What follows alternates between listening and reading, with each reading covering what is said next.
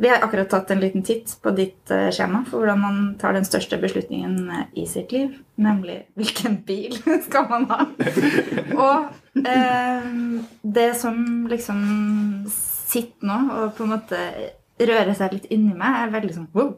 Fordi du, en, du er en empatisk, sånn responsiv fyr, designer. Eh, og du tar en veldig sånn rasjonell, analytisk tilnærming til det å kjøre bil. Du kan fortelle litt om den. Så har vi Mutte på andre sida her, som, er en sånn, som jeg kjenner som en veldig sånn analytiker. Du skal putte en stereotyp på Takk. Unnskyld. Takk. Eh, og du kjøper på impuls. Mhm. Det må vi snakke om.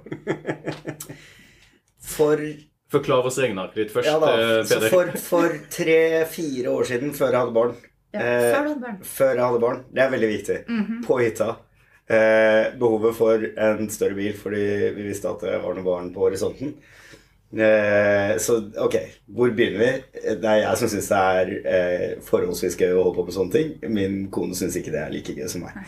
Eh, men det, det skal sies at jeg hadde tid og anledning. Men jeg har da laget da, eh, alle eh, regnearks eh, mor eh, når det gjelder bilkjøp, eh, som har altså flere kolonner som rater eh, de forskjellige Finn-annonsene vi evaluerte på praktikalitet, eh, kjørekomfort, kjøreegenskaper, eh, økonomi, merkevare, ikke minst, med en sånn der stjernescore fra 1 til 5 stjerner, som da blir aggregert opp, vektet per kolonne opp til en eller annen sum. Hvordan skulle rated du merkevare? Fordi Nei, det kan vi ikke snakke om her, så jeg føler Nei. det må vi ta. Nei, jeg, kan, jeg, kan dele, jeg kan dele min. Altså, vi har jo modell Y.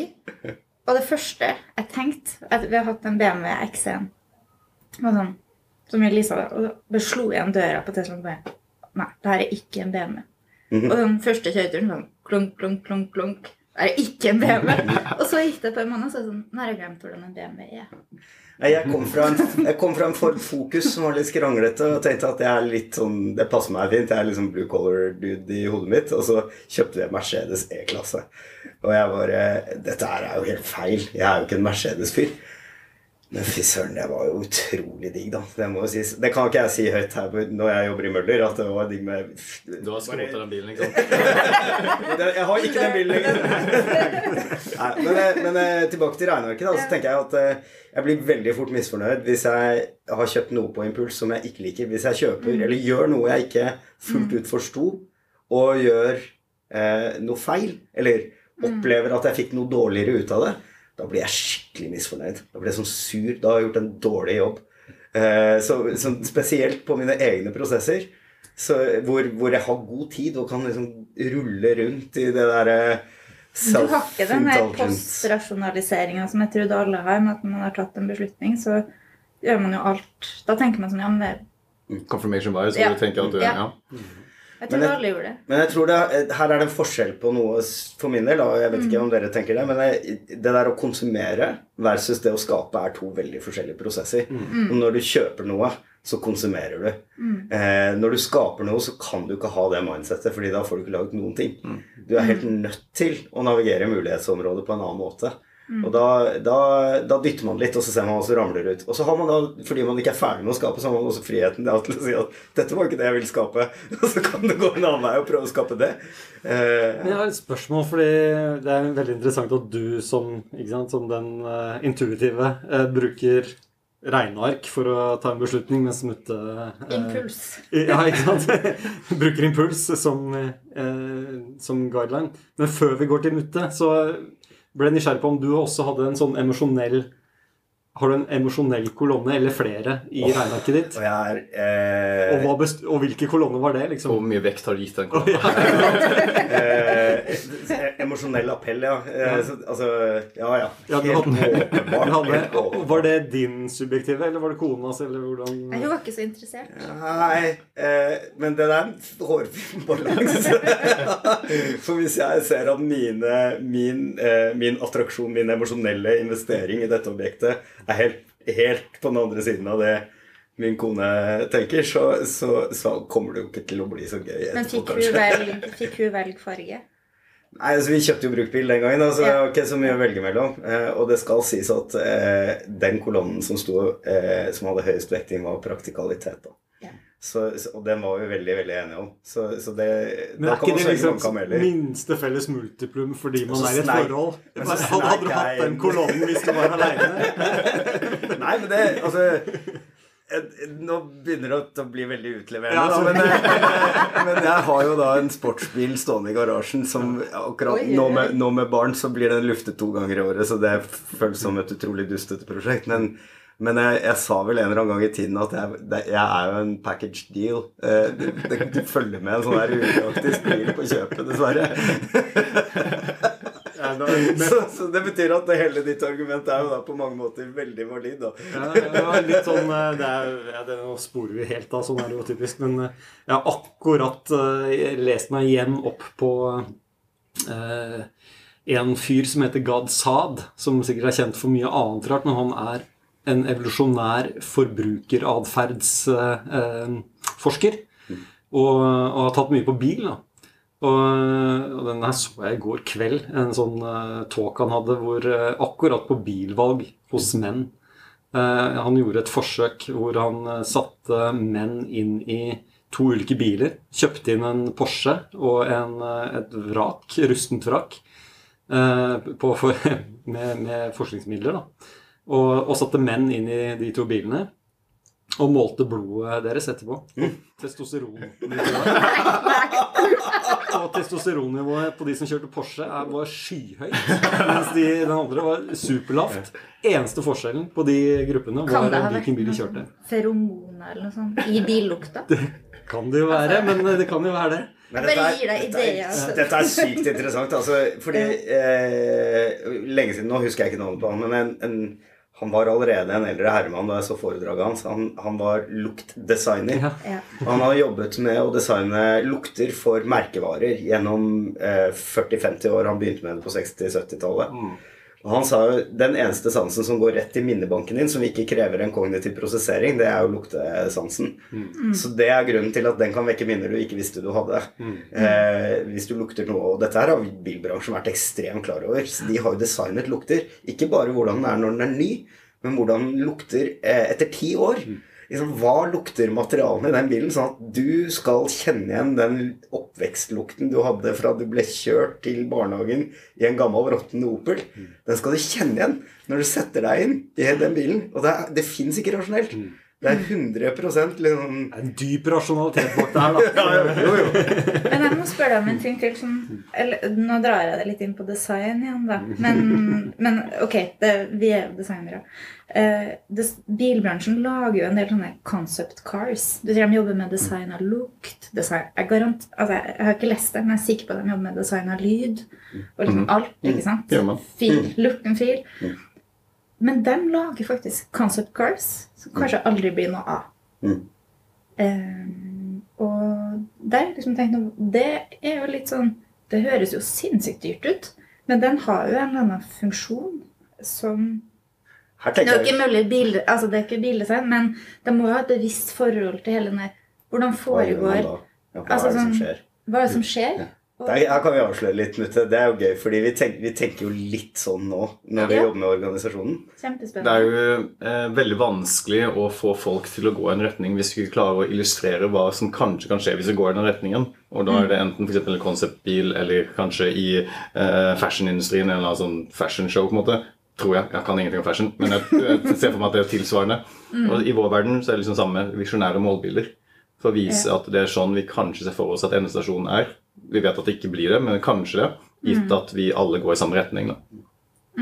Og det handler egentlig bare om å få folk til å ha lyst til å gå i samme retning. Mm. Men jobber dere med lukt og På organisasjonssikring, ja, det gjør vi. Det merkevare er mye røkelse i Men eh, ja. Eh, Det må jo si at jeg syns jo Det er jo en av våre superpowers som designere, er jo historiefortellinger. Og vi kan, vi kan beskrive ting som ikke har skjedd ennå. Og det er, jo, det er jo virkelig en superpower. Og det, eh, det kan misbrukes. Eh, men man kan også være veldig smart i å, å liksom fasilitere alle menneskers behov. Eh, om det er brukere eller om det er organisasjonen, det er jo en diskusjon. Men det bør helst være begge deler, på sett og vis. Og der har jo designerne eh, er jo veldig godt posisjonert da, til å hjelpe forretning, hjelpe med strategiske beslutninger i det arbeidet vi gjør. Samtidig som vi forvalter brukerbehov hele tiden, hele veien. Og jeg må si jeg syns det er skikkelig, skikkelig gøy. Og det gjør at eh, det er gøy å være i et team med flinke designere. Og jeg trenger ikke være operativ for at det skal være gøy. Men jeg ser jo bare når vi har eh, to designere, en, en tjenestedesigner og en grafisk designer eksempel, som jobber med å konseptualisere opp ting, hvordan bare det begynner å bruse rundt i. Får så mye energi. Så er det noen som blir veldig stressa. Og 'Nei, men dette var jo ikke det jeg tenkte i det hele tatt.' Men da får du også de. Det bruser jo hos de òg, ikke sant? Så det, det skjer noe. Det blir fart. Det, eh, Det er en måte å avdekke forskjellige syn på fremtiden på. Og dermed så kan du få snakke om det. Ja, og det, Til syvende og sist så er det egentlig en rasjonell prosess. Fordi eh, selv, om, selv om det stimulerer til liksom, emosjoner i det øyeblikket når du legger fram noe som er visuelt, eller eh, noe man kan ta og føle på, eller noe som er konkret, så betyr det jo at du får opp alle de argumentene som kanskje ikke eh, man var, visste at man trengte å ta opp i det rommet. Fordi situasjonsforståelsen eh, Alle har ikke den samme. Så jeg tror det er kjempe, kjempeviktig. Eh, ja. Det blir en rasjonell prosess ut av det. Men i det øyeblikket du plasserer noe der, så blir den kjempeemosjonell. Og det er gøy. Vi må snakke om denne impulsive Bare sånn for å bli tilbake igjen. Men sånn, hvorfor er de så uh, det, Ok, så den emosjonell, men blir egentlig en veldig rasjonell måte på. Kjempespennende. Og jeg tror mange andre store selskaper gjør det òg, sånn som Cisco, som har sånn prototype rom og liksom, Ja, hva er fremtiden? Hvorfor, men hvorfor tar du de store valgene i livet på impuls? Hvordan skal jeg forklare dette? Eh, Jeg ved et eh, på tilfe- ja, tilfe- For mange mange år siden så tok jeg noen fag rundt kognitiv psykologi på universitetet. Og da, eh, Dette er veldig veldig basic psykologi, da, så det er sikkert mye mer avansert og mye mer nyansert enn det. Men da lærte jeg bl.a. at eh, vi har working memory i hjernen vår, som gjør at vi har begrenset kapasitet til hva vi kan håndtere samtidig. på en måte, Som er sånn fem pluss minus to. eh, Som fører til at eh, du klarer ikke å ta et perfekt valg ved å bryte det ned til fem pluss minus to aspekter som du må ta hensyn til. Så dermed trenger du egentlig verktøy for å kunne ta et perfekt valg. da. Og, nettopp, ikke sant? og Derfor så trenger du liksom regneark sånn som Peder har, og alt det for å bryte ned, på en måte, for å på en måte avlaste din working memory. Og så var det, jeg kom, jeg ok, da skal jeg bruke litt tid på å prøve å ta sånne perfekte valg. hvor Jeg skal liksom bruke eh, hjelpeverktøy og liksom eh, decision making matrices og alt mulig rart. Men så er det en annen aspekt, en annen forskningsartikkel som jeg ikke klarer å finne tilbake til nå, men som eh, sa noe om at folk generelt sett er ikke homo economicus. Folk generelt sett er mer fornøyde med valg du tok på irrasjonelt grunnlag, enn ditt, eh, eller emosjonelle grunnlag, enn valg du tok på rasjonelle grunnlag etterpå. Og det gir mening, fordi fornøydhet er et irrasjonelt måte, aspekt. Og hvis du da kun tar et perfekt rasjonelt valg, så er det sannsynligvis irrasjonelle elementer som ikke du har klart å kvantifisere inn i matrisen din. Så dermed, siden eh, tiden du bruker på å ta et valg, er mye mindre enn tiden du kommer til å leve med det valget etterpå, så er det mer rasjonelt å ta ir irrasjonelt valg som du skal leve med over lang tid. Så de store beslutningene som leilighet, bil og den type ting, er da på en måte mer rasjonelt å ta et irrasjonelt valg på. Så dermed så har jeg valgt da å ta irrasjonelle valg på de tingene. Så jeg har kjøpt leilighet på impuls, kjøpt liksom bil på impuls. Bare for liksom Det er nydelig. Det er vakkert. Men er du fornøyd med de valgene du har tatt der? Ja, Ja. definitivt. Men ok, så eh, nå er det ting som Begge de to produktene du nevner, har jo mange emosjonelle dimensjoner ved seg. Og Ja. det der, eh, altså om, om det er litt lite skapplass, det kan man leve med. Liksom. Men hvis ikke det føles bra å sette seg ned med et glass vin på en fredag kveld i det huset man har kjøpt, så har man kjøpt feil hus. Det tenker jeg det er enig i. Eh, Men så, så, så plutselig skal du kjøpe barnevogn. Jeg vet at det ikke er aktuelt akkurat nå, men, men det har jeg gjort, da. Eh, Og jeg gjorde det på et for tynt grunnlag. Og jeg bare sånn det er få ting som gjorde de trilleturene så, så frustrerende som den elendige barnevognen vi kjøpte. Hva kjøpte du? Vi kjøpte en Emma-junga, og det skal jo være veldig bra. Det skal være veldig Tradisjonell bra. old school. Men jeg, nå skal, ikke sant? Fordi dette her er. Jeg hadde jo ikke peiling. Jeg så bare å, knottedekk, det er kjempebra, det skal være vinter. Men det som er problemet er at du trenger bare knottedekk på noe som har motor, sånn at det sitter fast. ikke sant? På en, når, når du er motoren og dytter den dritten, så jo all den snøen seg rundt i den knoppen. Hvem, hvilken designer er det som har valgt disse terrenghjulene? Hvorfor kjøpte, hvorfor kjøpte barnevogn uten motor? Ja. Du vet ikke om det er et sånt troll, en sånn så du kan gå ifra vogna. Men det her irriterer meg med bildesignere. Fordi jeg mistenker at de som designer biler, ikke har tenkt på at du skal stappe inn en barnevogn inni den. Mm. Det er liksom jeg komme tilbake til den bilen som vi endte opp med å kjøpe. da. ja. Så, eh, det bagasjerommet er på størrelsen med en gjennomsnittlig varebil. Mm. Jeg har aldri hatt et, Jeg har så mye glede i å løfte den barnevognen inn i den bilen. Der kommer de rasjonelle delene inn, og det kan du ikke overstyre med, med emosjonelle eller- altså, Det er det viktigste med den tingen i det livet jeg levde akkurat da. Men jeg kan bare spørre, eh, Hva gjør atferdsbiologen? Hvordan tar du vanskelige beslutninger? Eller store beslutninger? Ja, Eh, jeg jeg tror, jeg tror jeg er litt mer obs på dette elementet med at det er ikke bare jeg som skal ta beslutningen. Sånn som jeg spurte om kona di. liksom. Hvor, hvor, hvordan hvordan hånda dere på practicalities? Mm. Eh, så jeg, jeg, jeg tror jeg legger mer vekt på hvem andre er det som skal leve med min beslutning. Så, fordi det handler også om hvordan, hvor fornøyd er jeg i ettertid. Så jeg, men ellers så er jeg litt av din, da. Hva er navigasjonsrommet? Mm. Eh, og så prøve å tenke litt eh, mer på hva, hva er jeg fornøyd med i ettertid. Prøve å sette meg selv inn i den framtidssituasjonen der. Så, men jeg, er ikke, jeg, jeg prøver ikke Jeg har ikke tatt kontroll over eh, reptilhjernen min. Altså. Men har, har, du, har du kjøpt noe eh, på bakgrunn av liksom en grundig analyse? Har du hatt et regneark? Sjelden. Jeg har hatt regneark, og så har jeg kasta det til slutt. Okay. Eh, jeg, Bare får ta bilen, da. Da jeg kjøpte min nåværende bil, som er en modell X, så eh, var det rasjonelt å kvitte seg med den gamle, som var en uh, Volkswagen. Uh, men det var en diesel, og jeg så for meg at jeg skal vekk fra diesel før, den er, før det blir for dyrt, og det fordelen med elbil blir borte. Så jeg så for meg at den kom til å stupe verdi, og vi hadde ikke behov for den lenger. Så tenkte jeg ok, men da trenger jeg, jeg trenger bare en, en Leaf. Så det var starten. Jeg trenger ikke en, egentlig en bil, men en Leaf hadde vært fint å ha. Så begynte jeg å kona på en reise hvor vi sa ok, vi, vi vil ha en Leaf. Prøvekjørte den. Begynte å se på litt hybrider som var litt større. Og så måtte vi prøvekjøre en Tesla X. og så var det sånn ok, eh, det ble den, da. Fire ganger så dyr eller noe sånt som, eh, som eh, Kjemperasjonelt. ja. Nå, nå er vi der, da. Samme som skjedde her. Det rasjonelle for meg hadde vært en BMW I3. Ja. Men eh, jeg hadde vært så misfornøyd med det valget etterpå.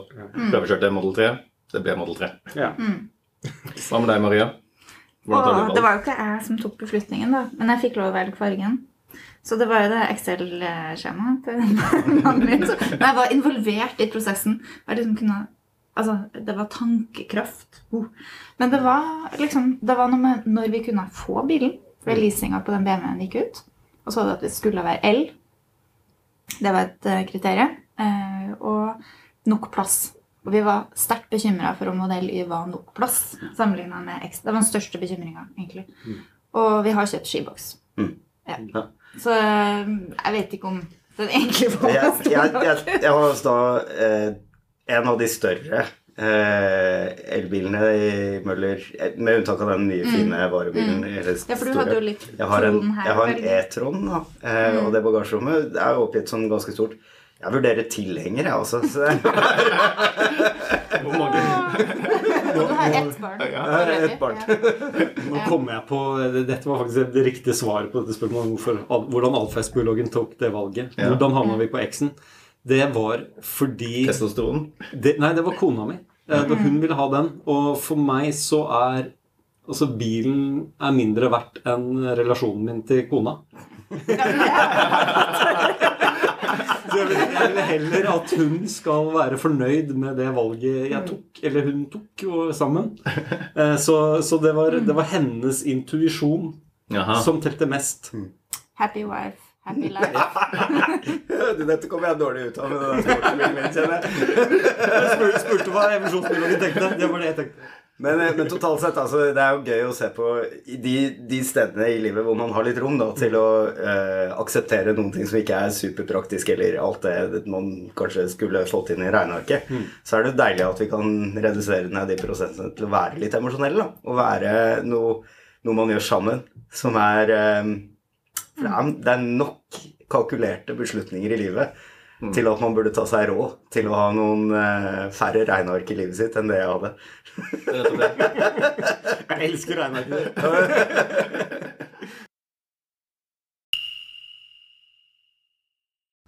Drypp er en lavterskelpodkast fra Beck, hvor vi diskuterer diverse temaer som interesserer oss. Og Hvis du har et tema som du har lyst til at vi skal snakke om, eller du vil være med på en innspilling, ta kontakt på drypp.beck.no.